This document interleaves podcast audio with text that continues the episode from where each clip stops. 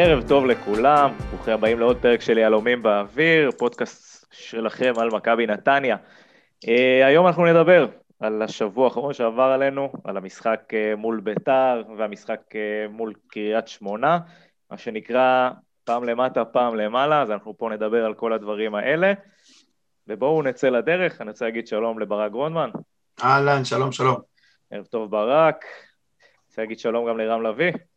אהלן, ערב טוב, שמח לחזור. שחזרת. אה, חברים, עבר עלינו שבוע שקצת קשה לנתח אותו ב...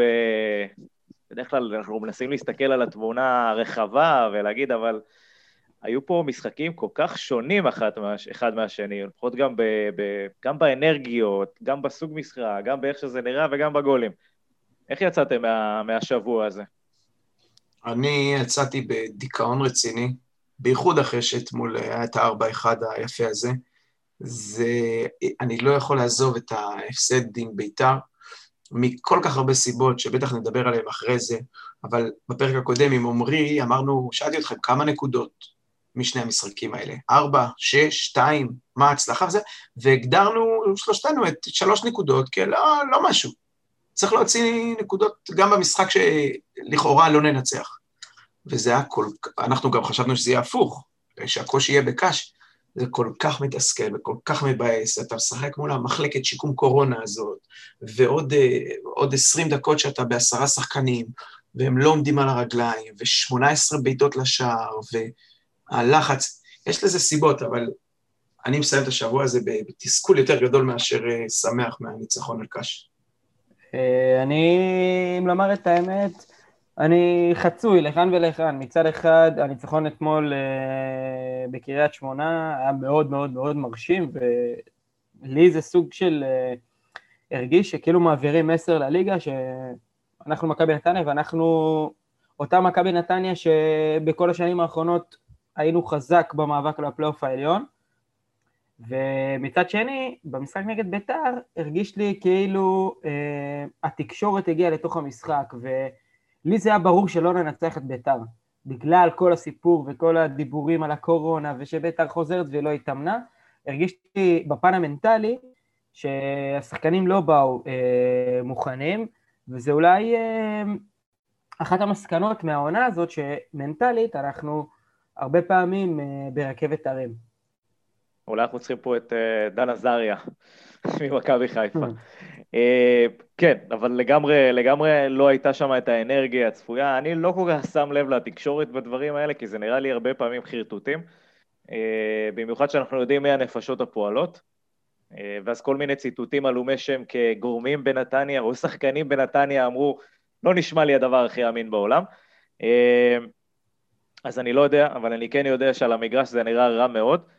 אה, ולדעתי, אם אנחנו, בואו נתחיל לדבר על המשחק הזה באמת אה, מול ביתר, אני יכול להגיד שלי זה היה אחד המשחקים, אני אגיד, היותר מאכזבים בשנים האחרונות.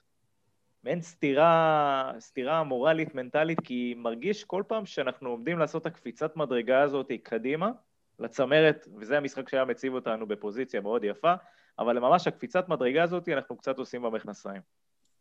לגמרי, אני ממש מסכים איתך, וזה זה, זה בדיוק מזה נובע תסכול, כי אתה כאילו כמו איזה ילד שלומד ללכת, אתה קם, עושה איזה שני צעדים, כולם אבא ואמא מוחאים כפיים, ובום, מתרסק על הרצפה. ועוד פעם קם, ועוד פעם שני צעדים, ועוד פעם עם הפרצוף עליו. וזה כל כך מרגיז, וכאילו גם נדמה לי בהסתכלות של כל השבוע, הניצחון על קריית שמונה קרה רק בגלל שבביתר היינו ביזיון, אז אטפל צעק על השחקנים, במרכאות אני אומר, צעק על השחקנים כל השבוע. אז, אז מה העניין? מה, זה שהוא צעק לפני ביתר לא הספיק, או שלפני ביתר הוא היה נחמד? בוא רגע נשאל עוד שאלה. דיברת כבר על אטפלד. מה, מה, מה היה עם אטפלד במשחק מול ביתר? כמה על הכתפיים שלו? כנראה שהרבה מאוד. תראה, אתה... בעיקר הגול השני, המעבר המוזר הזה לשלושה בלמים, עוד פעם להפוך את רוי קורין למגן, כנף, אני לא משנה איך קוראים לזה, כשהנגיחה הייתה על הראש שלו. אה, ונדרקאפ, בגול השני, שהיה כאילו הבלם השלישי ימין, לא קלט מה רוצים ממנו, ומצא את עצמו מגן בקו, כי הוא ברח יותר מדי ימינה, מה שהשאיר שם מקום לעטר אה, להסתובב להכניס כדור. זה היה גול שכולו עליו, השלושה בלמים, אני לא יודעת באיזה רמה זה תורגל, זה נראה רע מאוד, וזה גם הכל היה במין אה, לחץ כזה של... עוד פעם, של נו, מהר, מהר, מהר, נביא את הגול. שוב, וכל זה קרה כתוצאה מהגול הדי מביך בהתחלה והמהיר, ששם אותנו בסיטואציה קצת קשה. אה, אני חייב להגיד משהו בראייה קצת יותר כללית על אטפלד או על, ראיית, על שיטת משחק שדיברנו, רואים את זה מאוד יפה בהשוואה בין המשחק מול בית"ר, שבו החזקנו כדור אבסולוטית, הרבה בסוף המשחק, גם מחצית וגם זה, זה היה 66-67 אחוז לנו, שני שליש שליש, ו, אה, ודווקא עם 18 מצבים לשער, דווקא נגד, אה, גם רואים את המיקומים של השחקנים, היינו מאוד גבוהים הבלמים כמעט על החצי, וביתר נסוגה אחורה, ובקריית שמונה זה היה שונה, גם בכמות החזקת כדור, וגם uh, במיקומים של השחקנים, זה היה כזה משחק מרכז. יכול להיות שאנחנו צריכים לשחרר את הכדור טיפה, ולתת לקבוצה השנייה למשוך אותה החוצה, וכן להשתמש במהירויות, אבל זה, רמי יודע יותר טוב ממני אם זה נכון. אבל רגע, חושב... לפני, ש... לפני שאנחנו נכנסים לעניין הטקטי, אני מנסה להבין מה היה שם מבחינת אנרגיות. אני, כשאני רואה את המשחק הזה, אני רואה את ביתר פשוט רוצה יותר. ככה זה היה נראה לפחות מבחוץ. חד משמעית, אתה רואה את זה במספרים גם. תיקולים, תיקולים באוויר, תיקולים על הקרקע, תיקולים בים, תיקולים ביבשה, זה פשוט לא, לא יאומן המספרים האלה.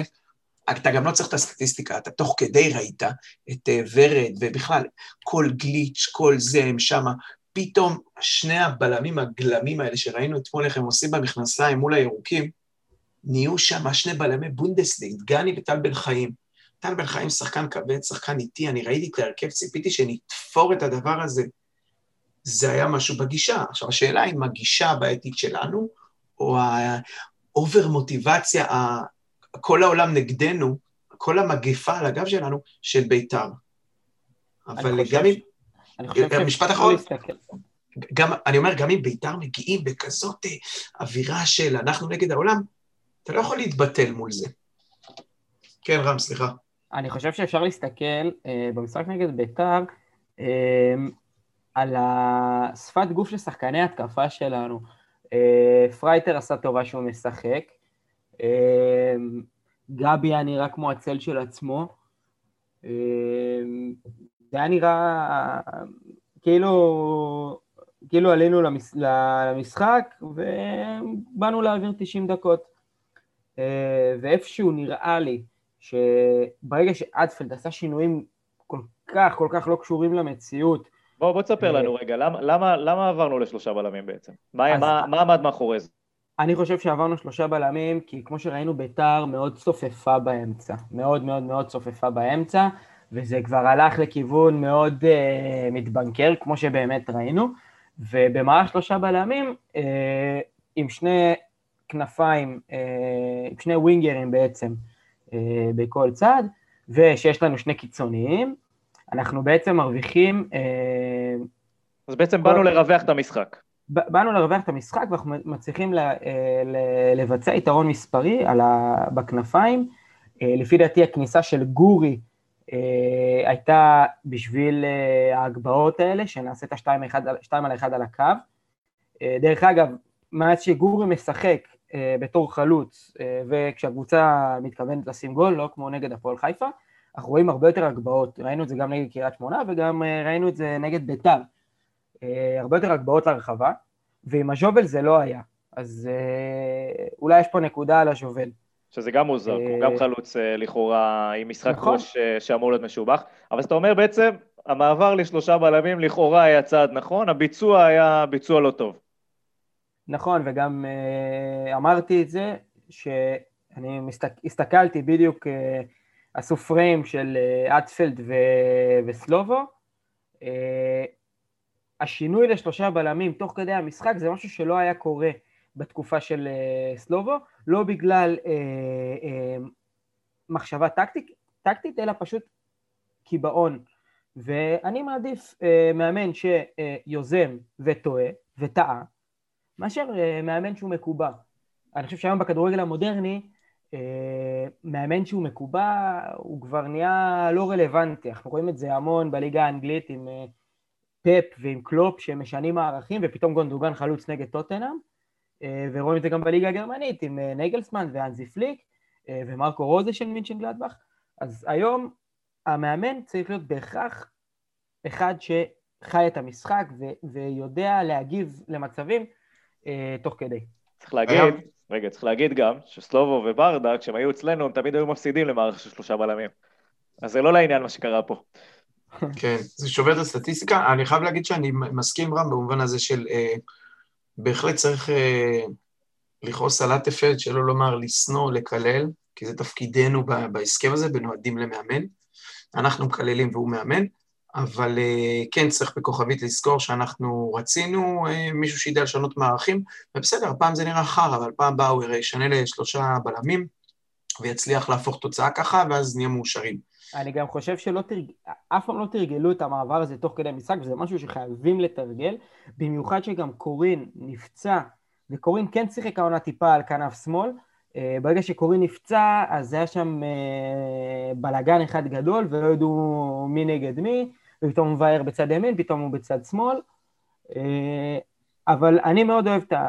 אני אחד שאוהב את השינויים האלה, ואני ממש מעריך את אטפלד שהוא ניסה. אבל זה, לא. זה באמת היה הימור גדול מדי לדעתי, אה, צעד אחד, אה, מה שנקרא אקסטרה מייל, למה גם, גם שיר צדק, הרגע נחת פה. צריך. להגיד, אבל שמדי פעם יש את ה... עם המחמאות גם צריכה לבוא הביקורת, ויש פה ביקורת. זאת אומרת, אה, זה לא פעם ראשונה שאנחנו רואים את אטפלד עושה, עושה צעדים שלכאורה לא ברורים לנו מהצד, אנחנו לא אמורים להבין את כל מה שהוא עושה מן הסתם, כי זה, זה עליו והאחריות היא שלו. אבל ראינו את זה גם הרבה פעמים בחילופים המאוחרים, או כל מיני החלטות שהן היו uh, תמוהות במהלך השנה. Uh, אז אין ספק שאם מסתכלים על המכלול, כמובן, בסופו של יום, אני מבסוט שהוא כאן, אבל כן, אני, באותה, באותה נשימה אני אגיד, הרבה פעמים, הוא, זה, זה, כאילו זה נראה כאילו הוא מנסה להמציא פה עכשיו משהו חדש. מסכים לגמרי, יש פה איזה אלמנטים של כזה פרופסור המשוגע, הגאון המשוגע. אני, לפעמים... אני, רחוק, אני רחוק מיידיש, אבל נראה לי שיש לזה מושג של איבער חכם. כן, איבער חכם. איבער חכם. אה, אה, כן, להיות אה, מתחכם, להיות, לנסות להיות יותר, אתה יודע, בסוף אתה עושה את כל הסיבוב, אתה חוזר, אתה מגיע לאותה נקודה, בשביל מה הייתה כל החגיגה וכל הצגה בשביל לחטוף את הגול? היית נשאר בארבע ארבע בלמי, ארבע שחקני הגרן הרגיל שלך, אולי כן היינו מוציאים מזה יותר, זה באמת היה נגד קבוצה כזאת גמורה ושבורה, אתה לא צריך את ה... לא בטוח שהיה צריך את השלושה בלמים, אבל כן, הוא עושה, הוא מנסה, הוא משנה, וכן, וזה המחיר, אבל uh, מאמן כזה שמצד אחד אתה אומר הוא לא מקובל, מצד שני, זה שתי ציפורים על העץ הסיפור הזה. לגמרי. Uh, כמו תמיד, אנחנו גם תוך כדי הפרק נשלב שאלות uh, של המאזינים. אז בואו נתחיל אפילו, ו... וברק, אתה, בעצם שתיכם עם ניסיון קצת על הדשא. רועי מנשה שואל, למה במשחק נגד ביתר הרטיבו את המגרש ולא דאגו לשחקנים לנעליים מתאימות?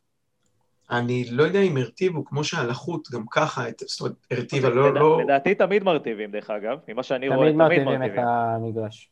אז אני לא, שוב, כי אנחנו לא במגרש, לא ראיתי ממטרות, אבל כן ראו שהדשא רטוב, בין אם זה מלחות או מזה. אז קודם כל, תמיד, אה, תמיד מרטיבים בשביל שהכדור ינוע יותר מהר ושהמשחק יותר ירוץ. זה, אבל זה... הרטיב, הרטיבו יותר מדי וראו את זה שהכדור נתקע, ראו את זה. זה הרגיש כאילו משחקים בתוך מבול. אבל אני חייב להגיד, אמרת ניסיון על הדשא. רטוב, לא רטוב, בוץ, שלוליות, זה תלוי בגובה הפקקים. הרטוב רטוב לשני הצדדים. אה, זה תלוי בגובה הפקקים. ממה נובעות ההחלקות באמת? מזה שכנראה לא היו ערוכים עם, אה, עם סטופקס, מה שנקרא, עם פקקים מספיק נעוצים, שמתאימים למגרשים של גרמניה. אבל כאילו, רגע, רגע. היתרון שלך כקבוצת בית, אתה אומר, אני מרטיב, אני יודע שרטוב, אני מכיר את הדשא, אני אבוא עם פקק עם עוד חצי סנטימטר אה, זה, אני שם את הפקקי אלומיניום ולא את הפלסטיק. אה, אבל... אתה שולט, נראה... אתה שולט על הגובה, על הגובה של הפקק? כאילו כמה הוא יוצא? אתה, כן, אתה, אני, אני עוד זוכר שהייתי בנוער, הייתי מבריג כל אה, שישי בערב, מבריג את הפקקים ובוחר את הברזלים הגבוהים, את הפלסטיק הנמוכים. היום יש פחות הברגה, אבל גם אם זה לא הברגה, אז אתה בוחר את הנעל, ולעניות דעתי, כי זה גם קרה שוב ושוב לאותו שחקן, אה, לדוגמה פרייטר, הנעליים זה לא הנעליים שצריכות אה, היו להיות, והיו מקרים שבהם אתה רואה, בעבר, שאתה רואה אה, שחקן שמחליק פעם, פעמיים, ואתה יודע, איש המשק רץ להביא לו את הזוג נעליים השני, את הסטופקס, את הגבוהות יותר, הפקקים הגבוהים יותר. בעיניי זה, זה, זה היה הסיפור. מעניין. אה, ואנחנו נפנה את זה לגורמים הרלוונטיים במכבי נתניה. אה, עוד שאלה של רוי מנשה, זה היה על איך אנחנו מסבירים שאלי מוחמד לא יכל לנשום 20 דקות מולנו, ואז נגד חיפה נתן 90 דקות בהפרש של ארבעה ימים. אז קודם כל, רוי, עלי מוחמד כבר לא שחקן שלנו לצערנו. אז מה שהוא עושה עם ה-90 דקות שלו, זה בזמנו שלו, אבל לרוב דברים כאלה נפתרים באקמולי טיפות. לא ככה ברק. כן, או אה, נורפן עם מזרק, יש גם, אה, אם הוא לא מסכים לקחת את זה, אפשר עם נר לישבן, אבל עזוב, לא משנה, לא רוצה להיכנס פה ליותר מדי. מה אה, שקורה אצל ביתר, קורה אצל ביתר. זה כבר לא עניין. כן, זה עניין של הרוקח של ביתר. אבל האמת שזה גם אותי הפתיע, וכנראה שהתאוששות טובה בארבעה ימים, אבל זה כן מראה שזה אולי המנוחה הארוכה הרבה יותר מאשר הקורונה. כי אם זה קורונה זה לא עובר בארבעה ימים, אבל כנראה שהם נחו יותר מדי, וזה עלה לו קצת. בוא, אבל כן, הוא כבר לא בעיה שלנו. לצערנו. אה, אז בואו נדבר קצת ב, יותר באוברוויו על המשחק הזה, עם מה, חוץ מהאכזבה הנוראית שכולנו דיברנו עליה, עם מה יוצאים מהמשחק הזה? בעיניי חוסר ניצול מצבים, זה הטריף אותי, הטריף אותי ה-18 בעיטות, עזוב שמתוך 18 היו חמש לא למסגרת, חמש למסגרת. תוסיף לזה את זה שהמרחק הממוצע של האיום על השער היה 18 מטר, ועוד פעם אתה מסתכל על הנתונים ואתה אומר, בואנה, אני חייב לראות מי שני הבלמים שעמדו שם. וזה, כמו שאמרתי קודם על המוטיבציה, זה הרבה יותר על ההתקפה שלנו מאשר על ההגנה שלהם.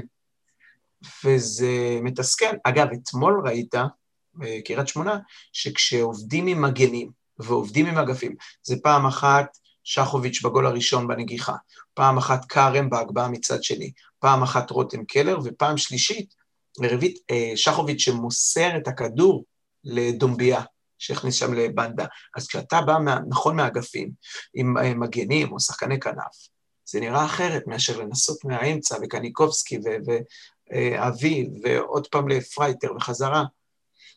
אני, תסכול על המצבים, פשוט מטריף אותי. אז, אז, אז לפחות אחד לשלוש למסגרת, אחד כן. לארבע. אז רק לא נדבר. במספרים, כמו שאתה אומר, אז היה לנו בסך הכל במשחק הזה 18 איומים אה, לשער, מתוכם חמישה למסגרת, מחולק בצורה של... אה, צורה שווה בין המחצית הראשונה לשנייה, אה, ובאמת, שוב, מתוכם, מתוכם רק גול אחד, וזה לדעתי מספר את הסיפור של המשחק הזה. ובצד זה חייב להגיד, החזקת כדור במספרים לא סבירים בכלל.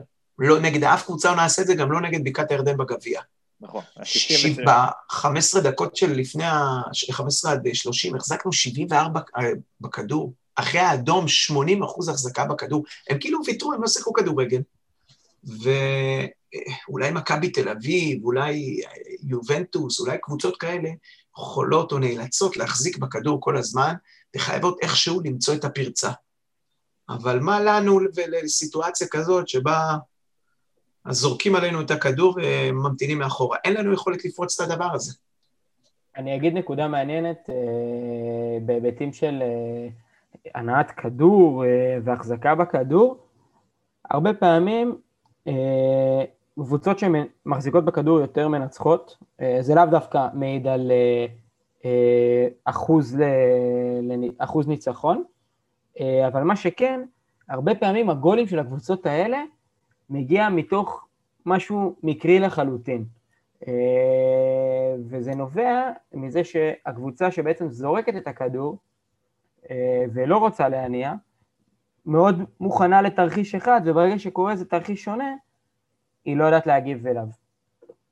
כן, אז נקווה באמת שזה דברים שנצליח לשפר במשחקים הבאים, אה, כי אנחנו, מה שנקרא, על הגבול אה, בין הפלייאוף העליון לתחתון, ואם אנחנו... וזה, כבר... וזה מעצבן, כי אם היינו מנצחים את המשחק הזה בבית, נגד קבוצה גמורה, פצועה, עם האדום ועם כל מה שהיה שם, אה, אז לא היית אומר אנחנו כנראה או בכיוון, זה היה הרבה יותר משמעותי. זה היה ממש... אה, זה היה רגל וחצי כבר. באתי להגיד, זה לא היה רגל וחצי, אבל, אה, אבל זה בהחלט היה, אתה יודע, היית יודע שבמקרה הכי גרוע תיפול למקום שביעי. אה, כרגע זה... כן, צריך לזכור גם... צריך לזכור גם שיש בלאגן עם המשחקים, ולא כל המשחקים שוחקו, ויש קבוצות שמתחתיך עם שלושה משחקים חסרים. כן, אתה לא באמת רואה, אתה לא רואה את הטבלה, אבל אין לך ספק שבית"ר ירושלים, זה היה משחק על שש נקודות. הם יסיימו חמש, שש, שבע. אתה יודע מה? שמונה. מסכים. אבל הם, הם שם, וזה היה שש נקודות, שסתם הלכו לפח. מסכים, זו יריבה ישירה, והיינו צריכים לקחת את המשחק הזה, אה, ואז אה, באמת התמונה הייתה קצת אחרת. אה, ואם אנחנו עוברים למשחק הבא, שזה המשחק מול קריית שמונה, אז ראינו פה תצוגה ממש טובה. אז בואו נתחבר גם לשאלה של, של מני אלבז, ששואל, שמדבר בכלל על הנושא של העליות והירידות המהירות ביכולת או ברמה ממשחק למשחק. שמשחק אחד קבוצה נראית, היא נראית די רע, ואז מתהפכת ב-180 מעלות. עכשיו, הוא שואל אם זה קשור להרכבים הלא יציבים, או שזה משהו מנטלי של קבוצה צעירה, או בכלל הכנה, הכנה לקויה. מה דעתכם? חייב להגיד זאת שאלה, שאלה מעולה, כי אתה באמת, כאילו חוכך בדעתך, מה, זה, זה מנטלי, זה כל פעם, אמרתי את זה בהתחלה, מקבלים סטירה ואז זה, זה, אטפלד צועק באימונים אז כולם מתיישרים, מה זה, זה כיתת אומץ? מה, מה, מה הסיפור? למה זה קורה? וגם אם הוא צועק באימונים, אז למה הוא לא צועק לפני משחקים? כן. אה, שיצעק כל השבוע, משלמים לו על זה. אה, ומצד שני אתה מסתכל ואומר, תשמע, אי אפשר להתעלם מזה שהוא שינה פה לגמרי. אה, גם בבלם, גם בשלישייה הקדמית, שיחקו שלושה שלו, בנדה, דומביה וגורי, שנרחיב עליהם בפרק נפרד. בסוף התשובה בעיניי היא שזה, הדברים תלויים אחד בשני. הוא צעק וכעס והתעצבן, ואיפס את מי שצריך לאפס שנשאר בהרכב, וגרם למי שנכנס להרכב להבין שהוא מקבל את הצ'אנס, מה שנקרא, ויאללה, האלה אכזבו אותי. כי אין ספק שפרייטר, אה, הז'ובל, זה לא, לא היה צריך להיות אה, זה, אני מניח שאם הייתה לו אפשרות הוא היה מחליף עוד איזה שחקן או שניים מהמשחק עם בית"ר. אה, אבל הוא זרק פנימה, ומי שנכנס הבין את המסר, וכן, זה בסוף תוצאה של, של השחקנים. אני באמת לא יודע להסביר את זה. את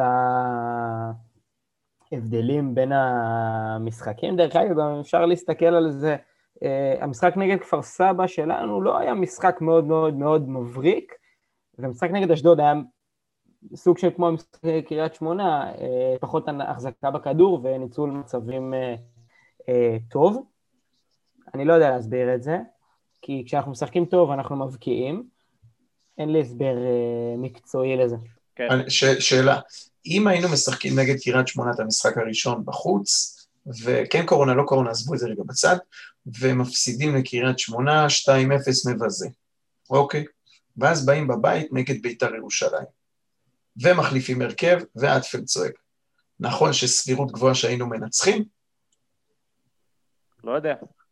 אני אגיד לך מה, כי... הפסדנו, בוא, הפסדנו כמה משחקים ברצף העונה, זה לא שכל משחק עכשיו שהוא צועק אנחנו פתאום לא. משחקים נפלא. נכון, לא. מה שאני רוצה לומר זה שבין קריית שמונה, בטח במצב שבו קיבלנו אותה, בית"ר ירושלים, במצב שבו קיבלנו אותם בבית, לקריית שמונה, אה, שגם אגב לא הייתה בריאה במיוחד, רק פשוט עשתה על זה פחות אה, סיבוב תקשורתי. היה צריך לתת פה שש נקודות. אה, במצב הזה בוודאי, אבל אני רק אומר, כאילו בסוף, זה, ה, ה, זה כן האלמנט של לבוא שנה, לבוא רדום, לקבל סטירה. תשמע, יכול להיות שגם האווירה הזאת של כאילו אה, בית"ר באים עם בלוני חמצן על הגב, אנחנו לוקחים את זה בהליכה, יכול להיות שגם זה היה העניין. אני אומר שעוד פעם, זהו, זה, בוא, לבוא שנה, לקבל. סטירה ואז להתעורר. אבל זה שחקנים מקצוענים, זה משחק ליגה, זה לא, אין פה לבוא שאננים יותר מדי, אני, אני לא בטוח שזה היה המצב, זה ששידרו את זה, או ככה תקשרו את זה, ב, אתה יודע, בעיתונות או בזה, אני לא בטוח שזה המצב, אני לא חושב, אתה יודע, יש לנו פה אה, בקבוצה הזאת קפטן שהוא סופר מנוסה, סופר איכותי, כמו אלמוג כהן. אני לא חושב שזה היה המצב, בח... אני לא חושב ששאננות הייתה המצב בחדר הלבשה שלנו. חשבתי שאתה אומר, יש לנו קפטן שהוא סופרמן, גם, סופרמן. גם. ואני, אבל... ו... ואם כבר הזכרנו את סופרמן, אני חייב להגיד שהמהלך של אה, דני עם העיבוד כדור, שבסדר, זה קורה, אני לא, לא מתרגש, אתה מוביל כדור כל כך הרבה וכל כך הרבה מסירות, אז פעם במתפלק. לראות את אלמוג מגיע ונותן גליץ' ומציל את זה מהקו כשירדן שו היה מול שער ריק, אפילו לא לקח בחשבון שהולך לבוא לשם מישהו, גלגל את זה. זה כל כך חימם לי את הלב, זה היה כזה תענוג, זה היה כזה כיף. אתה שוכח את העיבוד של דני, זה לא מעניין אותך גם שעוד שנייה אתה ב-3-0 או 2, לא זוכר מה זה היה. איזה כיף זה היה לראות שיש לך בלם כזה, שיש לך קטע כזה. אין אף שחקן בשום קבוצה בארץ שרץ לכדור הגמור הזה, הוא עמד מול שער ריק שואה, רץ ומציל את זה מהקו. אין אף שחקן כזה בארץ, יש רק אחד כזה וקוראים לו אלמוג כהן. לגמרי, וכיף שהוא אצלנו. זאת החמצת העונה בעיניי. והוא לגמרי החמצת העונה. ואלמוג, אה, צריך להגיד, בתקופה העונה הזאת, אני, אני מאוד מאוד מרוצה ממה שהוא נותן לקבוצה בכל הפרמטרים. אה, אם עונה שעברה, אם עונה שעברה זה היה בעיקר סטטיסטי, אה, ודיברנו על זה הרבה פעמים, אבל זה לא התבטא בניצחונות ובזה. אני חושב שהעונה, אנחנו מרגישים את האפקט המנטלי ואת ה... מה שהוא נותן לנו. הובלה קטנה לקריית שמונה, שאלנו בפרק הקודם עם עמרי, לגבי שיר צדק יבוא, איפה הוא ישתלב, או יותר נכון, מה נעשה עם אלמוג? הוא יישאר מאחורה, אלמוג, כאילו דיברנו רק על אלמוג, אלמוג יישאר בלם, שיר צדק יחכה להזדמנות שלו, אלמוג ילך אה, קדימה, ואז גנדלמן יצא, ומסתבר שהייתה תשובה אחת שלא לקחנו בחשבון. ונדר קאפ יצא ושיר צדק ייכנס. זה מוביל אותנו לאיך זה נראה בקריית שמונה. נכון, ואנחנו בדיוק עכשיו מתקדמים למשחק, אה, למשחק מול קריית שמונה. אה, ובואו נדבר עליו, באמת אפשר להתחיל אפילו, אתה יודע מה, גם אושר אורן כתב את זה וצריך להסכים. המשחק אה, נגד קריית שמונה, לדעתו היה הכי טוב העונה, הכי הרבה מצבים, הרבה מצבים לשני הצדדים, בלי בזבוזי זמן, בלי תירוצים, שלישיית התקפה מפחידה, היה מעניין לצפות, חייב להסכים איתו. היה אחד המשחקים היותר טובים שראיתי העונה, ללא קשר רק למכבי נתניה, היה פשוט כיף לצפות. כן, קריית שמונה קבוצה של כדורגל, יש לה שלישייה, אלוהים ישמור איך הם לא לוקחים אליפות עם, עם, עם לוסיו ואנסה, אה, שקר הסתנן לשם, אבל יש שם אה, שחקנים, בעיקר שניהם, אה, יש להם אחורה טוב, אמצע של צעירים מצוינים, אני לא אגיד את השם כי לא נשאר לנו זמן לצאת הכל. אני חשבתי, זה, שלישיית התקפה מפחידה אצלנו דווקא. לא, הבנתי מה אתה אומר, אבל גם בצד השני, ופה זה השלב, זה באמת המשחק מהנה. אם מתקדמים ומסתכלים, מה שנקרא, פנימה לתוך עמדות, כמו שאנחנו אוהבים לצלול, אה, אם ללוסיו לא נתפס השריר, אז קארן ג'אבר מתקזז על הבישול שלו, ואנחנו ב-2-2. כן, אז בואו בוא באמת נתחיל לעבור מבחינת מערכים, ובואו נדבר על, על דני קודם כל, משחק, משחק סולידי של דני, משחק טוב. אני לא זוכר את דני מציל איזה הצלה, את ההצלה ההירואית הממוצעת שלו במשחק. אה, אפשר לייחס את זה לזה שקריית שמונה לא היו מדויקים, אפשר לייחס את זה לזה שההגנה שלנו הובילה את אה, התקפת קריית שמונה להגיע למצבים לא כל כך איכותיים ורואים אה, את זה ב-XG. בסך הכל משחק סולידי, כאילו, דני, לא צריך יותר. לגמרי, ואמרנו XG, שוב נזכיר למי שלא מכיר את המונח, XG זה expected goal, הגולים הצפויים בעצם, לפי, זה, ה... לפי הפרמטר. זה כמה המצבים שהגעת אליהם היו איכותיים ושווים, ובאמת, אתה יודע, כמו הגולים באמת שהיו, פס רוחב לכדור מול שער ריק, לעומת uh, ההזדמנויות שהיו בעיטה מ-20 מטר. לעומת הגול של דומביה. נכון. Uh, ובואו נדבר באמת על חוליית ההגנה, אז אנחנו uh, עלינו למשחק הזה עם... Uh, אה, עם זלטן שחוביץ', עם שיר צדק אה, בהופעת בכורה, אה, ועם אלמוג כהן וכרם ג'אבר. צריך להגיד, איבדנו את אלמוג בדקה ה-12 כבר. מה הייתה ההתרשמות שלכם מחוליית ההגנה שלנו במשחק הזה? מבחינה התקפית, אני חושב שחוליית ההגנה תרמה את שלה. בישול לכל מגן. כן, שזה די נדיר שבאותו משחק כל מגן, כולל מגן שהתחלף, יסיימו עם בישול, אה, ובנוסף בשער שהיה ללא בישול של מגן, המהלך התחיל במסירת מפתח של המגן, של סחוביץ', אה, בבישול של אה, דומביה. נכון. היו כמה פיקשושים של מה שהיה עם לוסיו שהוא מתח את השריר, ובסוף המחצית הראשונה עם מוחמד שקר, ששם פרץ את ההגנה שלנו די באין מפריע. אבל אני חושב שההגנה עשתה את ההנעת כדור שהייתה צריכה לעשות, מתי שהיה צריך להניע כדור הניע, כמובן שמתי שהיה אפשר, מתי שלא היה אפשר, אה, וזה היה אה, מצב מסוכן, לא שיחקו עם זה.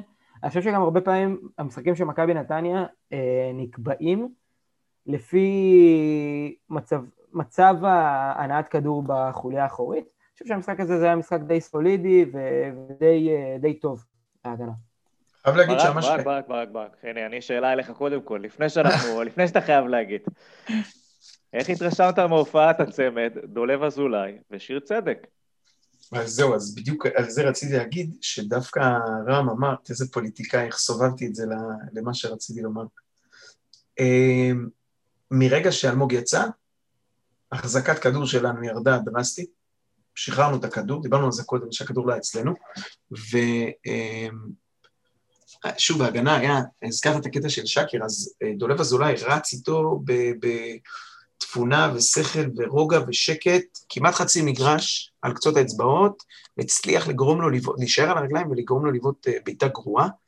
אותי זה הפתיע, אני הייתי בטוח שהוא הולך אה, לפשל לנו פה באיזה גליץ' מופרע, ואנחנו חוטפים גול. אז בסך הכל הוא היה בסדר.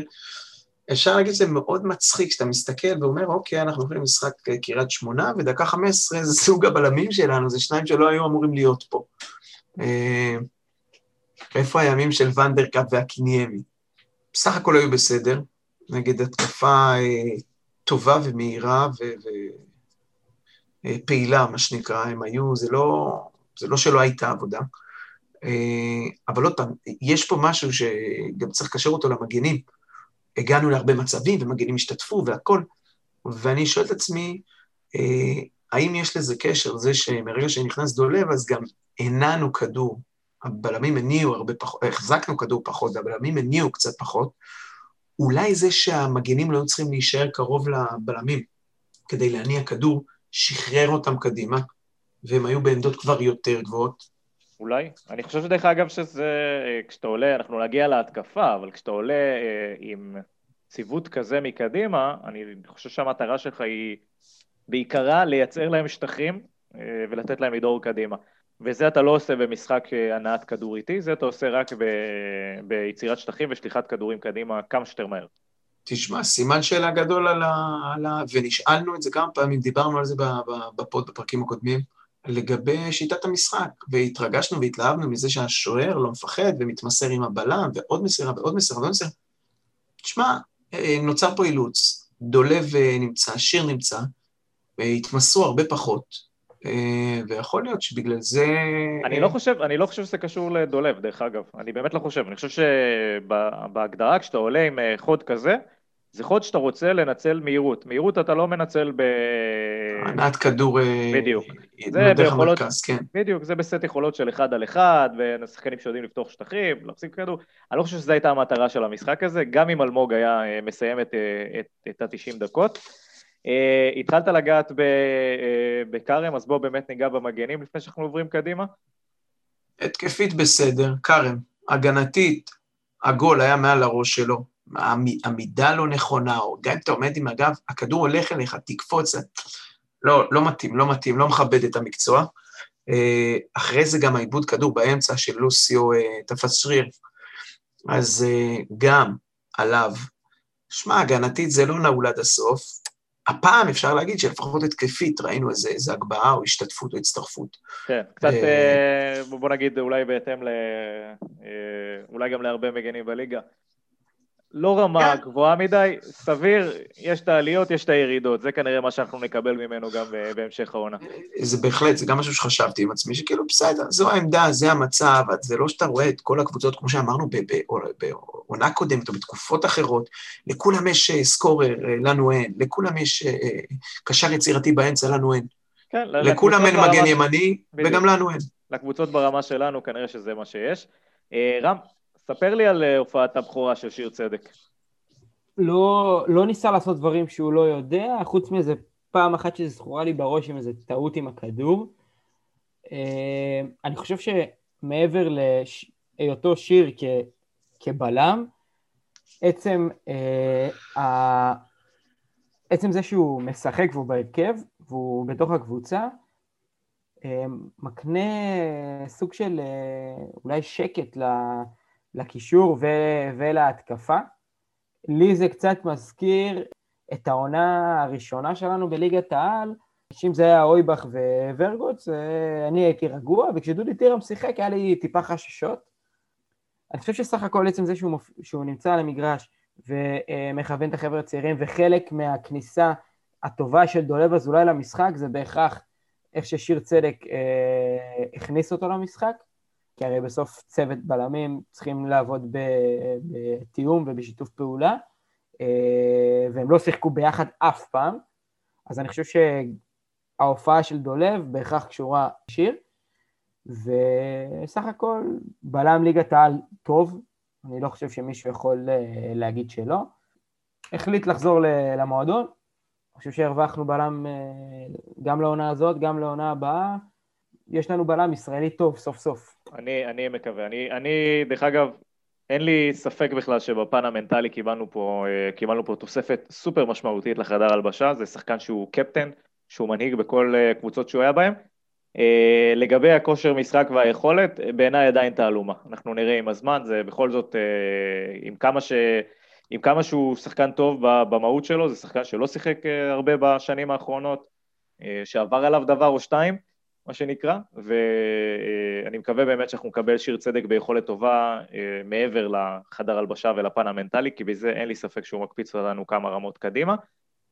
רק נציין ששיר צדק במשחק הזה עם 97 דקות, 90 אחוז דיוק במסירות, אה, מסירת מפתח אחת, 10 מתוך 14 אה, מאבקים מוצלחים, 7 מתוך 9 בגובה, 3 מתוך 5 על הקרקע, 2 מ-2 בתיקולים המוצלחים, 2 עיבודי כדור ושמונה חילוצי כדור, אז זה באמת אה, מסכם את ההופעת בכורה של שיר צדק. אני חייב להוסיף משהו על שיר. הגול נגד ביתר התחיל ממסירה מסירה מקדמת של שיר לגבי, כדור ארוך, מדויק על הרגל של גבי, והגבהה לגורי. אז גם... אז הנה עוד, במש... עוד, עוד כלי שקיבלנו משיר. במשחק רגל אנחנו השתדרגנו לעומת אקיניימי. מה אקיניימי? מה אקיניימי? הוא בכלל יודע מה לעשות עם הרגל חוץ ממדרגות? מה אקיניימי? השתדרגנו ביחס לגנדלמן, תגיד, אפילו ביחס לוונדרקאפ.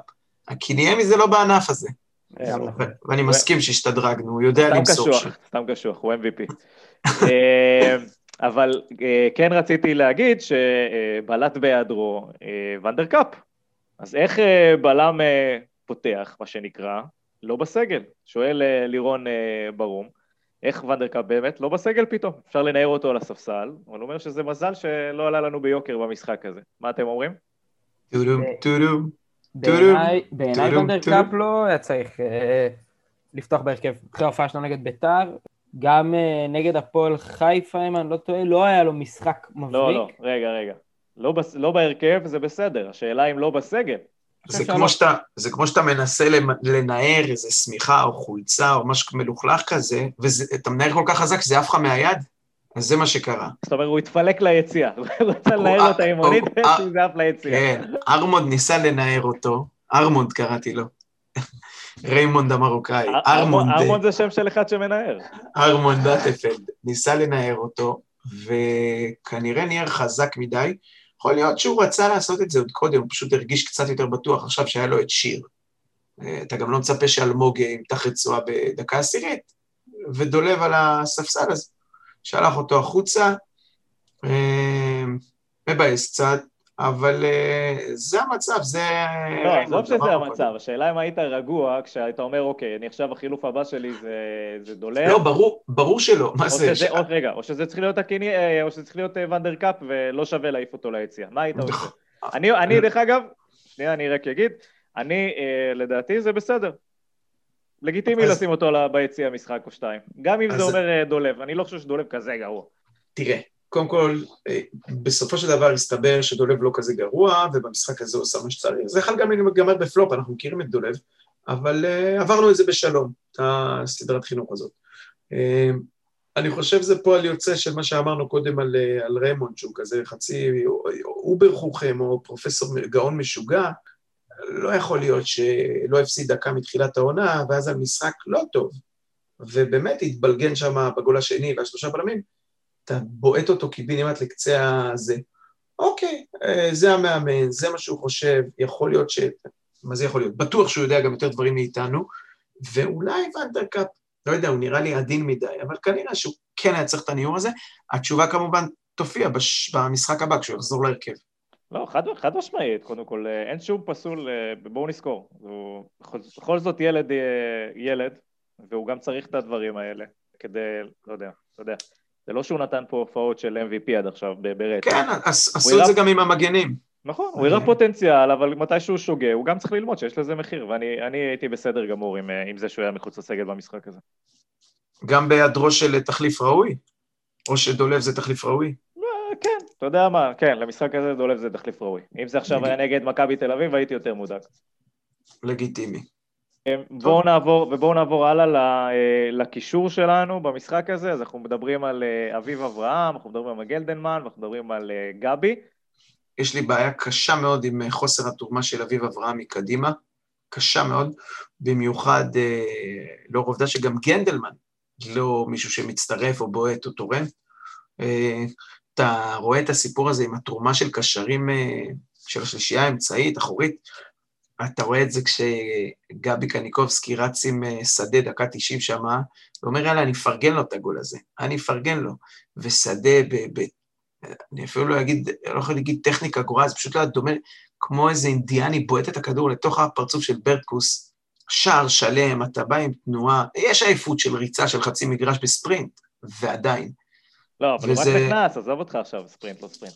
עזוב, מאוד מתסכל אותי, שנחזור אני... לענייננו, אביב אה, לא תורם כלום, אתה לא יכול לבנות על זה, וגנדלמן... אתה מדבר התקפית, אתה מדבר התקפית, אבל אני חייב להגיד... אני מדבר שה... בעיקר התקפית. אוקיי, כן. אני חייב להגיד שהיכולת של אביב בשבועות האחרונים נורא מוצא חן בעיניי.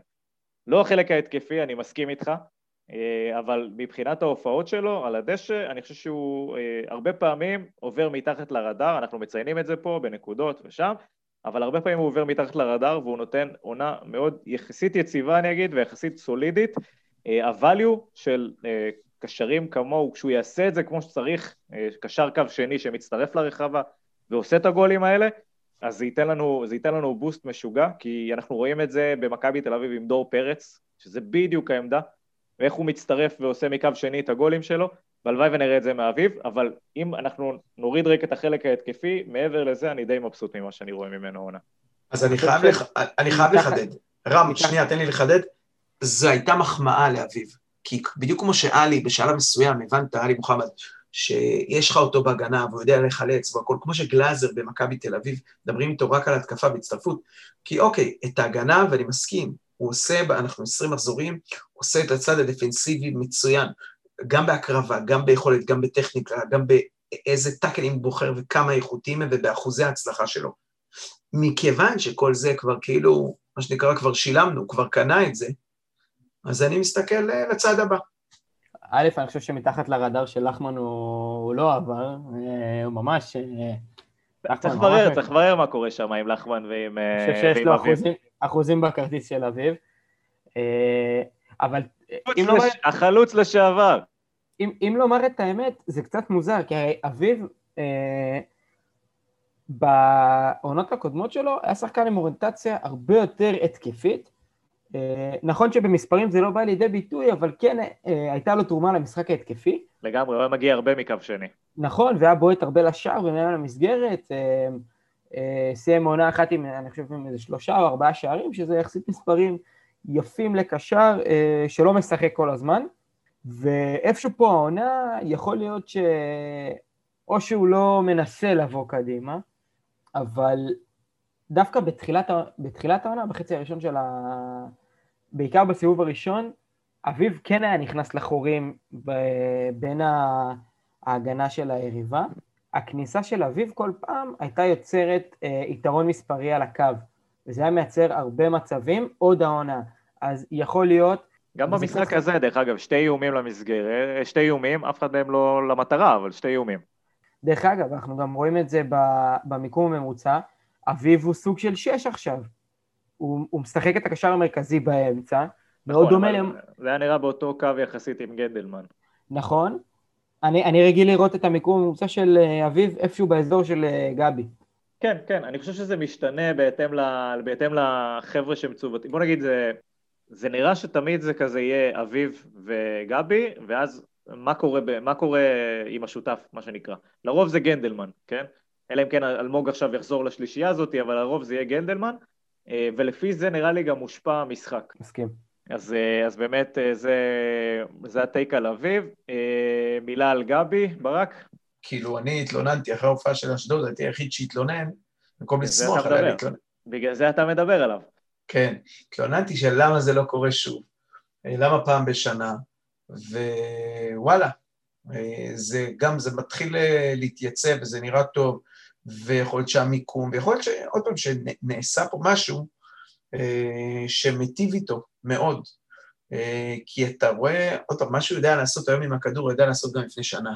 אבל אתה רואה שגם המיקום וההירתמות ואולי האחריות שיש עליו, מה שפחות היה כשהיו שחקנים אחרים כאן אה, בקבוצה, הוא מה שנקרא בשפת הכדורגל, לוקח את זה בשתי ידיים, ונשאר לנו, אני כבר יש לי מעל המיטה לוח אה, טבלת ייאוש עם איקסים על כל מחזור שעובר, כי בחודש יוני גבי לא בארץ. כן, אז זה לא מהשעונים שאתה באמת אה, רוצה לספור. אה, אבל זה נראה לי כורח המציאות, אז באמת משחק... כן, כן, צריך ליהנות מזה כמה שאפשר, זה פשוט, אין, אין סיכוי שזה לא יקרה מטעמי חוזה, מטעמי יכולת, או שחקן עם 7-7 אה, בישולים אה, בעיטות, הוא מהיחידים במנהלת, הוא וחזיזה, היחידים שיש להם פרמטר גבוה גם בזה וגם בזה. גם בלי הגול הזה, הגול הזה סתם היה חותמת, זה התוספת למספרים, אבל גם בלעדיו, כמו שאתה אומר, ראית שהוא עשה והיה ובישל, והוא מפעיל את כל העסק. אני רוצה להגיד משהו על גבי, אמירה, זו דעה אישית שלי, אתם, כמובן שאפשר לא להסכים איתה, אבל אה, שחקנים כמו חזיזה, קניקובסקי, יונתן כהן, דור פרץ ודן גלאזר ובטח נטע לביא, אלה שחקנים שהייתי רוצה לראות כבר בקמפיין הבא של הנבחרת, מקבלים דקות הרבה יותר משמעותיות. אתה ולחמן, ואביב אברהם. אני לחמן ואביב אברהם. אבל אני באמת... מכיוון שלא נעלה לשום קמפיין אף פעם, מבחינתי אפשר לתת דקות גם לדולב אזולאי. אבל אני באמת, ברצינות, אני חושב שברגע ששחקן כמו גבי קניקובסקי, לאורך כל התקופה שלו במכבי נתניה, אנחנו יודעים שמדובר בכישרון, אה, גם בתור אחד שקיבל ממנו גול או שניים, אני יודע שמדובר בכישרון, נותן את ה... כביכול את עונת הפריצה שלו, תסכימו איתי שזאת עונת הפריצה שלו, מבחינת יכולת הובלה של הקבוצה ומספרים, והוא עתיד לצאת לאירופה. אני חושב שהוא צריך להתחיל לקבל, אה, אה, להיות פקטור יותר מרכזי בנבחרת. חייב להגיד שהגולים שחטפת ממנו כנראה היו באשמתך, בוא, לא על זה בונה את הכישרון שלו. אתה לא סוגר פינות, ואתה חוטף. טוב, אני לא רציתי להגיד את זה, טוב שאמרת, ברק. ונעבור קדימה לשלישייה הקדמית שלנו, שהייתה מורכבת במשחק הזה מדומביה דומביה בהופעת הבכורה שלו, אה, למק בנדה שהתגעגענו אליו אחרי תקופה ארוכה, אה, ופרננד גורי, שהוא, הסיפור שלו, האמת היא, הוא אה, סיפור מאוד מעניין. חלוץ שבעצם הביאו לנוער ומקבל עכשיו דקות בקבוצה הבוגרת בגלל בעצם שאין ליגת נוער העונה, אז באמת הוא נותן לנו משהו, והייתה שאלה של דור אדרי לגבי באמת גורי, שהזכרנו עכשיו, לעומת פרייטר. מה בעצם, רם, מה, מה בעצם השוני, או מה בעצם היתרונות של כל אחד מהם? א', מדובר בשני שחקנים, בשני סגנונות שונים לגמרי. אה, בין אם גורי שחקן של אה, שטח, שחקן של משחק גובה, ובין פרייטר שיותר שחקן שצריך את הכדור לרגל, פחות שחקן של לנוע לשטח, למרות שהוא מהיר פרייטר, אבל הוא יותר אוהב את הכדור אצלו, הוא יותר אוהב את הדריבל, ראינו את זה עם הבישול לחן עזרא בסכנין, ראינו את זה בהתחלה במשחק בגביע טוטו, שהוא בישל אה, אה, נגד חדרה לאשכנזי. ראינו את זה גם בגול שלו נגד מכבי תל אביב, שחקן שאוהב את הכדור אצלו ברגל, פחות את התנועה לשטח. כמובן שאנחנו ראינו את גורי שניים וחצי משחקים, רק 193 דקות, זה פחות בשניים וחצי משחקים. אבל שניים וחצי משחקים האלה, מבחינה, מבחינת מספרים, זה נראה שיש לנו פוטנציאל לא רע בהתקפה. גורי עם uh, שני שערים, עם בישול, יש לו מסירת מפתח אחת, הוא מאיים uh, מחוץ לרחבה, הוא מאיים, סליחה, uh, איומים לשער בממוצע חצי איום למשחק, כשהוא כובש שני שערים. כל התקופה שלו במכבי נתניה כרגע. שזה נתון יחסית מעודד. מאבקי אוויר הוא מנצח אה, כמעט ב-50 אחוז, אה, שזה רק מראה בעצם את הנתונים, זה רק מוכיח כמה הנתונים הפיזיים שלו תורמים לו למשחק, מה גם, אמרתי את זה בהתחלה, איך פתאום אה, סגנון המשחק שגורי משחק שונה, אה, ויש יותר הגבהות אה, לרחבה. מה באמת קל או צריך להשוות כשאתה מסתכל על השחקן מול פר... אה, כמו גורי לעומת אה, פרייטר? דבר ראשון, הם, אני לא חושב שזה שחקנים שהם ברי השוואה, פרייטר הוא יותר עשר וגורי הוא יותר תשע, מבחינת אה, עמדות. פרייטר שיחק חלוץ כי באמת לא היה חלוץ. את האמת שאותי מאוד מעניין לראות איך פרייטר וגורי משחקים ביחד כעשר ותשע. אבל בוא נגיד שבקבוצה כמו נתניה, שמשחקת או עם שני חלוצים או עם שלישייה מקדימה, הרי אני, אני חושב כבר שלא, אתה יודע מה, אני לא יודע כבר להגיד, אבל אה, אני לא בטוח שפרייטר הוא שחקן אגף באמת, ראינו אותו שם כמה פעמים, אבל נראה שיותר נוח לשים אותו במרכז. במצב כזה אני לא כל כך רואה אותם משחקים ביחד, אני צריך להגיד. כשאני הייתי בא לבחור אה, חלוץ, אז זה קצת קשה לי להגיד כרגע במי הייתי בוחר, אני חושב שכל אחד מהם באמת מביא משהו אחר למשחק. אני חושב שגם אם אנחנו מסתכלים בהיבט של אה, משחק שאתה רוצה ללחוץ בו, אז הייתי עולה עם גורי, כי לדעתי הוא עושה עבודה הרבה יותר, אה, אה, מה שנקרא, בכיסוי וריצה מאשר פרייטר עושה. אבל בפן ההתקפי מעניין אותי גם לשמוע. איך, איך נראה, או מה אחוז ניצול מצבים של פרייטר לעומת גורי? אז מבחינת ניצול המצבים, שוב, יש ל... לפרייטר יש העונה ארבעה שערים, כל זה מתוך 11 איומים למסגרת. זה גם כמעט 50 אחוז אה, כמו גורי. לפרייטר יש אה, מתוך 11, ניס, 11, ניסיונות, 11 ניסיונות של מסירות מפתח, שמונה מסירות מפתח מוצלחות, זה נתונים מעולים, זה בעיניי, אני חושב שזה בין הגבוהים בליגה. אין ספק אה, שיש לו סט יכולות, אנחנו רואים את זה כל פעם, אבל אני, אם אני, אתה יודע, מנסה לעטוף את זה ולסכם את זה, אני אגיד שזה נורא נורא תלוי בסוג המשחק שאתה רוצה לשחק. אומרת, זה, זה... זה ברור.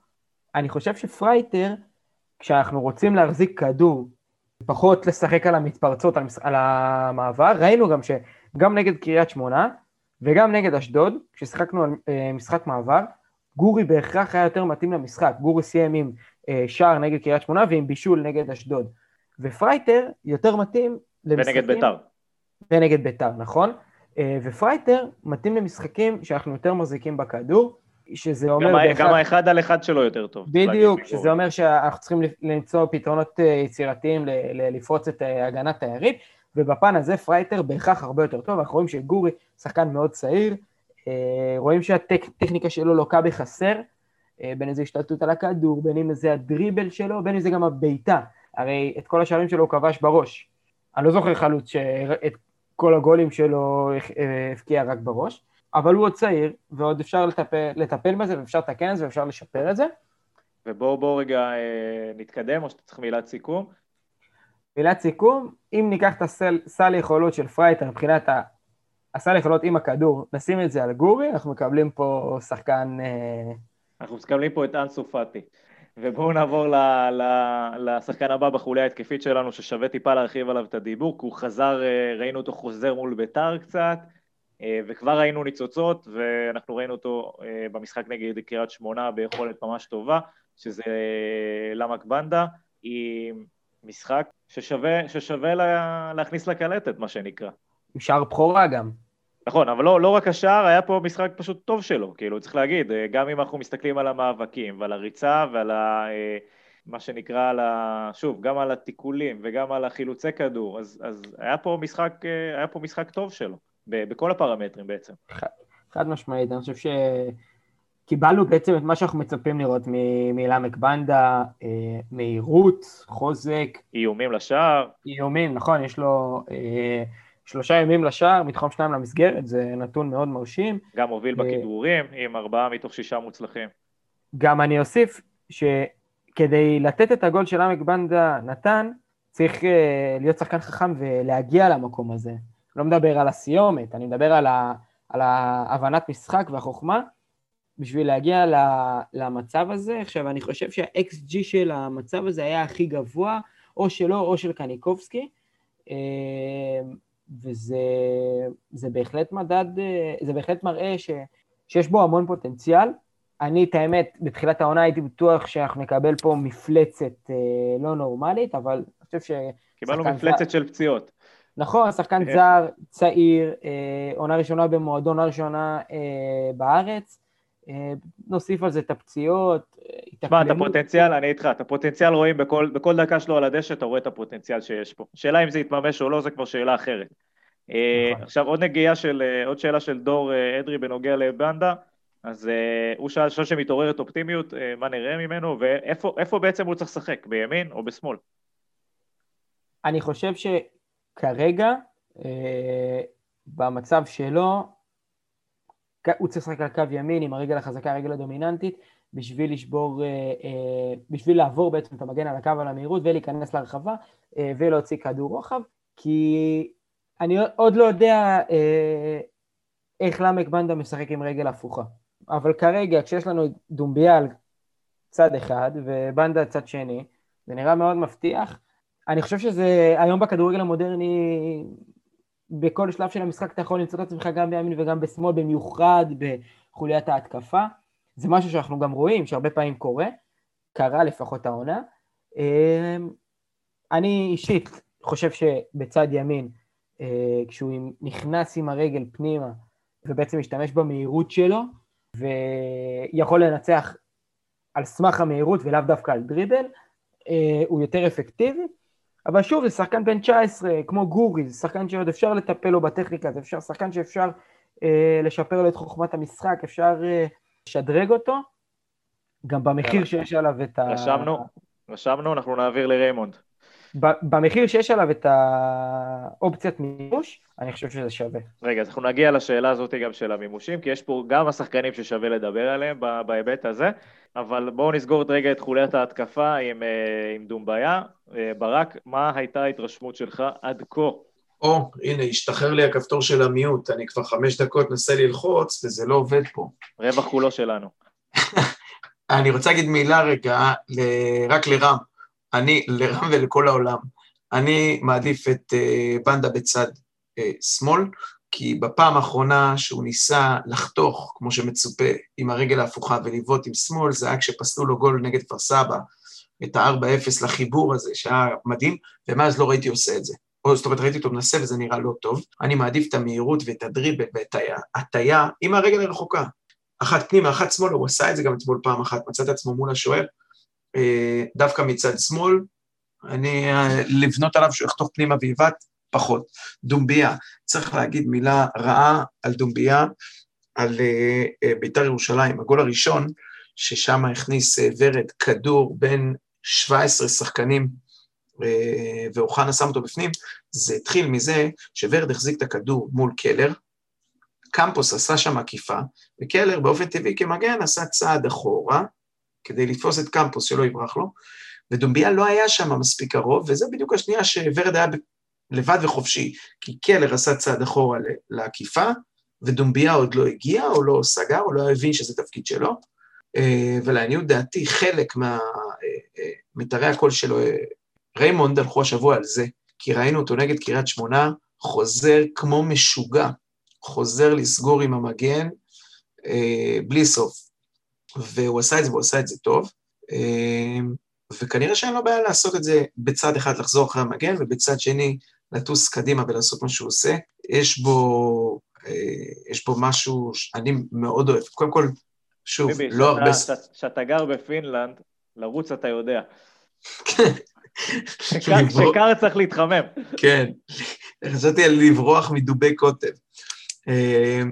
אז בתור פיני לשעבר, אני חייב להגיד שטכניקה כזאת של הגול הראשון, של לבעוט אותו בבולה, אה, דווקא עם הרגל הקרובה, כשהוא מגיע אליך, לא ההפוכה שאתה מכין את כל הגוף, זה היה יפה ומרשים, היו לו עוד כמה מהלכים שם.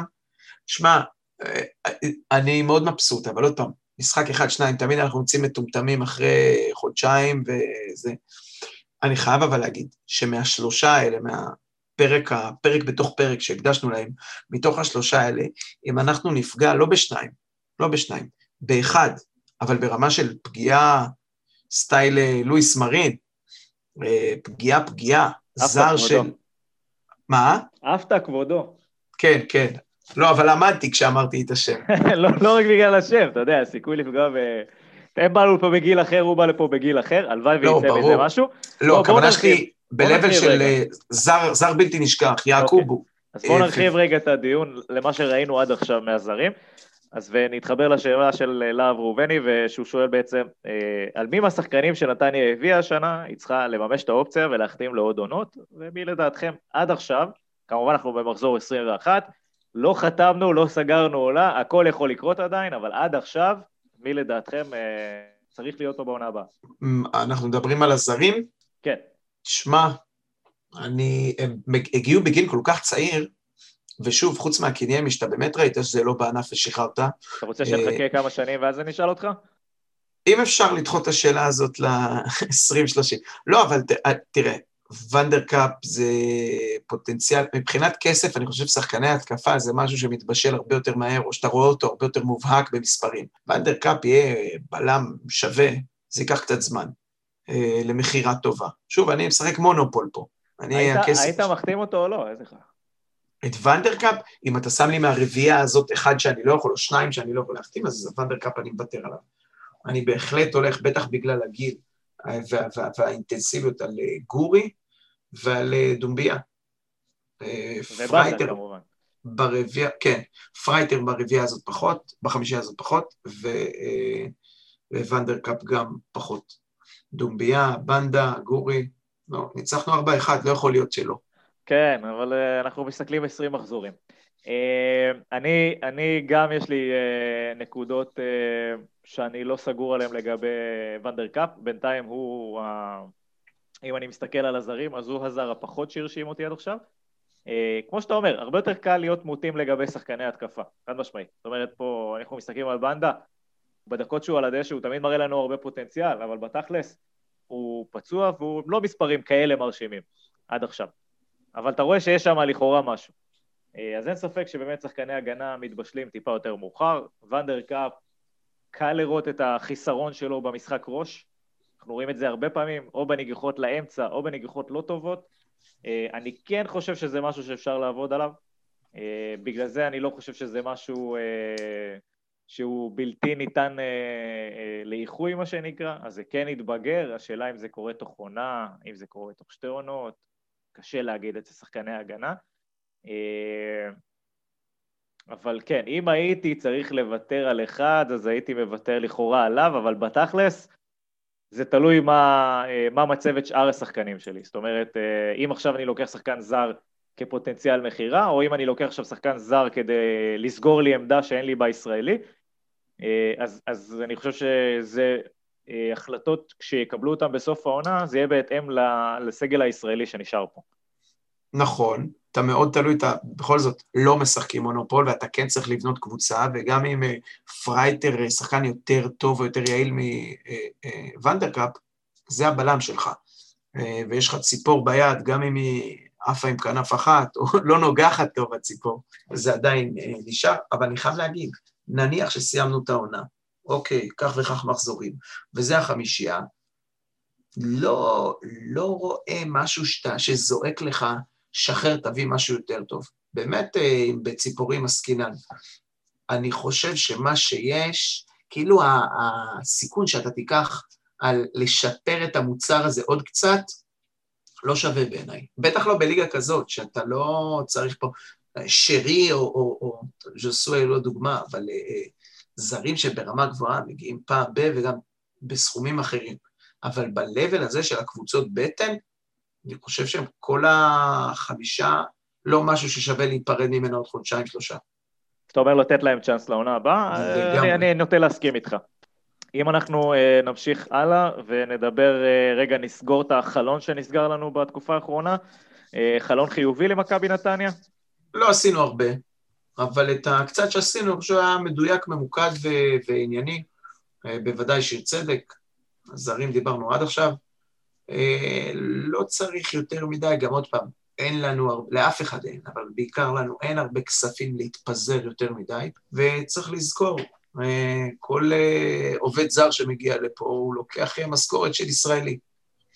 ויש לנו אחלה שחקנים, אחלה עוד נדע בהמשך, אבל יש לנו בכל תפקיד ישראלים, יש את ג'אבר ואת וייר ואת קלר במגנים, ויש לך את גנדלמן ושדה, אה, בקישור, וגם שחף לצורך העניין, אז לא צריך למהר אה, לשחרר ולהביא זרים במשבצות האלה. יש ישראלים טובים, הזרים שנמצאים כאן, צריך להזכיר שם שלא אמרנו כל, ה, כל הפרק, בן הז'ובל, שהיה לו חלון קטן מרגע שמלאדה עזב, הוא לא ניצל אותו, דיברנו על זה, ואני לא רואה מתי הוא אה, חוזר פנימה להרכב. שאלה מעניינת באמת. לגבי בן הז'ובל, אנחנו נראה עם הזמן. המשחקים הבאים אה, של מכבי נתניה הם אה, בגביע נגד מגדל... בקעת הירדן. בקעת הירדן, בקעת הירדן. תמיד אני נתקע לי עם מגדל הזה. חטפתי שמה, חטפתי שמה במחזור אחרון, הם היו צריכים לעלות ליגה, אנחנו סיימנו מקום שלישי, היינו מקום שלישי, לא רלוונטיים למאבק. משחק אחרון של העונה, אף אחד כבר היה גשם, אף אחד לא רצה לבוא, שמו אותי בלם אחורי, חטפנו 2-0 תוך עשר דקות, הבנתי את הרעיון, פירקתי להם את החלוץ, יצאתי באדום, אמרתי שלום, תודה, תמשיכו בלעדיי. זה כמו, זה כמו הסיפורים של אה, זה, בישראלים, בנוער של שמשון. כן. אה, זה נגמר אה, בתשע, והמאמן קילל אותי, המאמן קילל אותי שיצאתי החוצה באדום, שאני אפס, ושכנראה זה היה שקוף מדי, שלא היה לי כוח לסבול 90 דקות איתם. יכול להיות. אתה, בא, אתה אומר, אתה בא לנקום במשחק גביע הזה. גם בבקעת הירדן חרוט לי. ואחרי זה יש לנו את הפועל תל אביב בליגה. עוד שאלה של אב ראובני זה האם אה, כל השינויים, הפציעות וכל מה שקורה, עם איזה קו הגנה הייתם עולים למשחקים האלה? אלמוג לא נמצא. אה, ונדרקאפ תלוי כמה רחוק עף הניעור. אה, אני מניח שהוא יחזור חזרה על חשבון דולב. אז אין לך כל כך אופציות, זה שני בלמים זה שיר וונדרקאפ. שיר וונדרקאפ, אני לא חושב שיש נכון. יותר מדי אופציות גם. לא, אה, מגנים, שוב, זלטן בריא, זלטן כנראה כן. יותר טוב, הוא מועדף על חשבון קלר. וזלטן וג'אבר. וג'אבר. דווקא רביעיית הגנה כרגע, עם הפציעות והעניינים, זה משהו די קבוע. אני רוצה אה, לומר בקטנה משהו אחר על שני המשחקים האלה, לקחת הימור. אנחנו באים נגד הפועל תל אביב. רגע, יהיה זמן להימורים, אתה ברור שאתה תהמר. אה, לא, לא זה היה... מהפרק הזה בלי תוצאה. זה, זה היה הימור קונספט, לא תוצאה, אבל נחכה איתו לסוף. אוקיי. עוד שאלה של uh, מעיין שחודה, שואל, uh, האם אתם חושבים שיש עדיין סיכוי לפלייאוף העליון? כן, כן. מה זה סיכוי? תמיד יש. תשמע, הליגה הזאת יש להפועל תל אביב סיכוי לפלייאוף העליון, ובאר שבע יכולה... אני גם מסכים. כן. שהכל, אבל אני, אני, אני אחדד את השאלה של שחודה, האם אנחנו מכוונים לשם, האם אנחנו רואים את זה קורה, האם זה הכיוון? לא אני, חושב ש, אני חושב שבניצחון עם קאש, כאילו קיבלנו עוד קצת, חיברו אותנו לאקמו, למכונת הנשמה עוד קצת. אה, אם אני צריך לשים על זה כסף, אז ממש לא. אנחנו, אני, אנחנו קבוצה לא יציבה, קשה כן. לדעת כי כל משחק יכול לקרות הכל. זה, כן, מה שאני, אתה... זה מה שאני הבנתי עד עכשיו בעונה הזאת. אתה, זה גם, אתה לא יכול אה, אפילו לראות, כמו שאמרת קודם, את התמונה, כי פתח תקווה, מתחתיך, הם, מעליך עם משחקים חסרים, ואלה מתחתיך, כאילו ביתר ירושלים, שלושה משחקים, וקריית שמונה, אתה לא רואה את התמונה, אנחנו נחכה לעוד קצת השלמות להבין, אבל uh, מכבי תל אביב, מכבי חיפה, נניח שגם באר שבע, על אף מצבה המוזר, תהיה שם, אשדוד תהיה שם, נשארו שתי מקומות. כן, שני אז נכון. מקומות. תלוי גם באמת, כמו שאתה אומר, ביציבות של, ה, ביציבות של הקבוצות האחרות, אה, ויהיה הרבה יותר קל להגיד את, את הפרדיקציה הזאת, מה שנקרא, אה, אחרי שישלימו את המשחקים החסרים, ואז נבין מה התמונה האמיתית של הטבלה. זה נורא כן. מבלבל בתצורה הזאת. זה, אתה יודע מה מזכיר לי? את ההצבעות באירוויזיון. כזה שאתה מתחיל עם המדינות הזה, אז פתאום שוודיה ככה מקום ראשון, ואז אתה מגלה שהצביעו רק הנורבגים והזה, כל הסקנדינביה. אני, דרך אגב, את הדוויז פועה שלי, העונה, אני נותן לאשדוד. כן. כיף, לראות אותם. לגמרי, אה, היום שמעתי גם שהמאמן אה, החליט שהוא ממשיך שם. אה, יפה, יפה. או לפחות מעריך חוזה כדי שיוכלו לשלם לו סיול כדי לצאת. כן. אה, בן מאייר שואל, מה אתם אומרים על פרננד גורי? אז דיברנו והרחבנו עליו. אה, והאם אתם חושבים שגבי יעבור בקיץ, אז גם ענה עלינו, אני חושב שכולנו פה אה, אה, תמימי דעים שגבי לא ימשיך בנתניה כנראה אחרי הקיץ הזה, אלא אם כן מישהו פה חושב אחרת. אפשר להיאחז בתקווה שגם על סבא חשבנו שלא יהיה, והוא כאילו נשאר, אבל אחרי זה הלך לבאר שבע ולא נשאר. אבל אתה יודע מה זה, זה די דומה במובן של, די, לכולם ברור שהוא, אתה יודע מה, בעוד 365 ימים לא יהיה פה. בקיץ, נגרור את זה לינואר. נחזיק, נחזיק, נחזיק אה, כן. אצבעות שזה יהיה לאירופה. ויהיה כן. לנו הרבה יותר קל והרבה יותר נעים, ויגרום לנו להרבה יותר גאווה. חד משמעית, החוצה. אה, כן, ויוסי נוח שואל, נוגע בנקודה. הוא שואל, אבל נוגע בנקודה, אה, נראה לי המשמחת של השבוע הזה, שזה באמת חזרת הקהל למגרשים. אומנם 500 אנשים, אבל גם זה משהו, לא ככה? קודם כל אני רוצה להצהיר שאני אחרי החיסון השני, יש לי דרכון ירוק, אני מחכה ומצפה להידחף בין החמש מאות. אה, אני חייב להגיד שחמש, אני כל פעם עובר ליד האצטדיון, ואומר לאשתי, תראי, 14 אלף איש, אי אפשר להכניס פה אלף איש במרחק של, של, של שורות, אתה גם יכול לסגור את זה, אתה יודע, אתה יכול להכניס לבידוד כולה 20 איש. כמו שהייתי בהופעה בין הסגרים, ובאמת חילקו אותנו קפסולות, אז גם אם יש חולה, אתה יודע בדיוק, ואתה יכול להכניס אותם משערים, מכניסות שונות, זה כל כך, כאילו, עזוב, אלוהים ישמור, יאללה כבר, יאללה, שיכניסו ונתקדם. יאללה, אבל זה מאחורינו, אה, ובתקווה שיהיה קהל במגרשים אה, לכמה שיותר זמן, ונגדל אה, עם הזמן בכמויות. הכי חשוב שיהיה תוף. התוף מחוסן. אז אנחנו רגועים. יאללה, הגענו להימורים. חברים, משחק הגביע, אין הרבה אופציות, למרות שזה בטח יחס גבוה, אז אם מישהו רוצה לעשות כסף זה הזמן. אה, אני חייב להגיד שאני, אגב, אה, שנה שעברה בטירה, עשינו את זה מאוד יפה עם אה, סתיו פיניש, גול מהיר, ו... ומשם זה הפך לטיול. היה שם איזה בלאגן במחצית, גם על רקע בחירות, אבל טוב, בחירות יש כל שנה. אני מאוד מקווה שנגמור את זה מהר ולא לא נסתבך. ועדיין, גם אם נסתבך, אין, אין, לא צריכה להיות אה, אופציה שזה לא ייגמר בהעברת שלב, אבל אני רוצה רגע את הימור הקונספט שלי, נניח שהכל יהיה בסדר בגביע, אני מהמר שאנחנו נגיע נגד הפועל תל אביב, נראה רע, לא נפסיד, או תיקו אפס, או לא יודע מה, ריימונד שוב יצעק, אז באופן מפתיע נבוא נגד מכבי פתח תקווה, דווקא היותר טובה, על אף שהיא בירידה, ושם ננצח. אז אני נותן ארבע נקודות או שלוש נקודות, אפס או אחד נגד הפועל, ושוב, אחרי סטירה אני אתרומם נגד מכבי פתח תקווה. מבחינת הגביע, שוב, אין, אה, כאילו, פערי הרמות הם, אה, הם ברורים, ו... ויתרה מכך, אה, גם ליגה א' התחדשה רק בשבוע האחרון, סליחה, בשבוע שעבר, לא רואה פה עוד הרבה אופציות, אבל שוב, זה גביע, ו... ואני מבין uh, שכנראה נעלה בהרכב, uh, ניתן טיפה לשחקנים שלא משחקים uh, לשחק. אתה עושה לנו חידה? אני לא אופתע, שוב, זה גביע, ו- ואני לא יודע, ראובן עטר אמר בזמנו שתמיד בגביע מעדיף לקבל קבוצה מהליגה שלו. ניחוש. אחד. אחד. אני חושב שמכבי נתניה, ואם לא מכבי נתניה זה ביזיון די גדול. לא משנה לי איזה, איזה ליגה ואיזה בלבולים. יש משחקים שצריך לנצח, ואם לא, אז... לשרוף את המועדון. בדיוק, חריג מאוד. אה, הפועל תל אביב?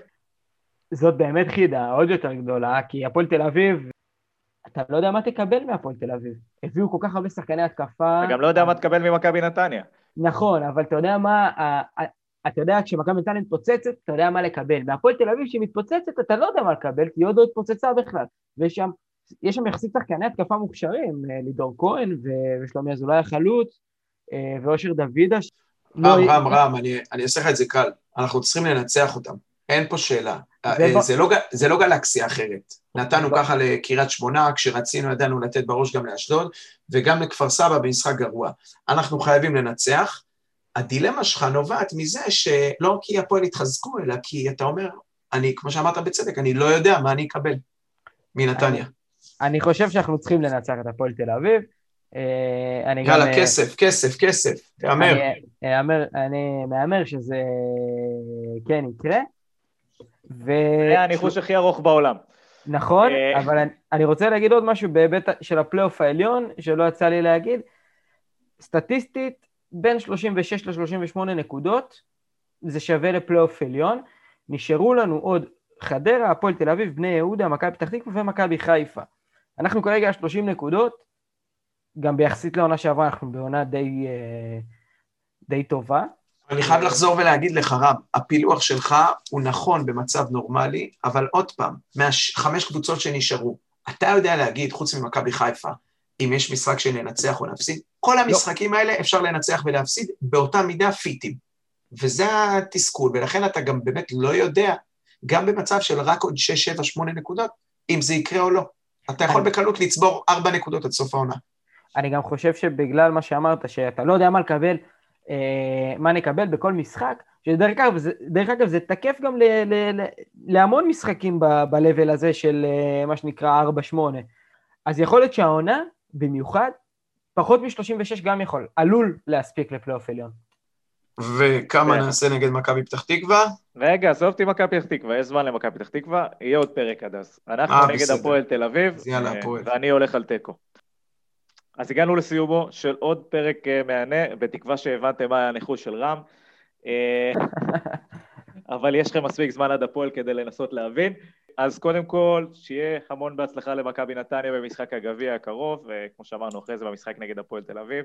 אני רוצה להודות לכם על ההאזנה, וכמובן תכתבו לנו בתגובות מה חשבתם, ואם אתם מסכימים עם, ה, אה, עם התהיות שעלו פה במהלך הפרק, אה, ואני רוצה להודות לברק גרונדמן. תודה רבה, חייב לפרגן ולהודות גם למאזינים, שאלות אה, נפלאות. באמת היו שאלות מעולות. אני רוצה להגיד תודה לרם לביא. תודה, תודה רבה. אה, וחברים, תודה לכם בבית על ההאזנה, ושיהיה לנו אחלה שבוע ויציאה מהנה והדרגתית מהקורונה.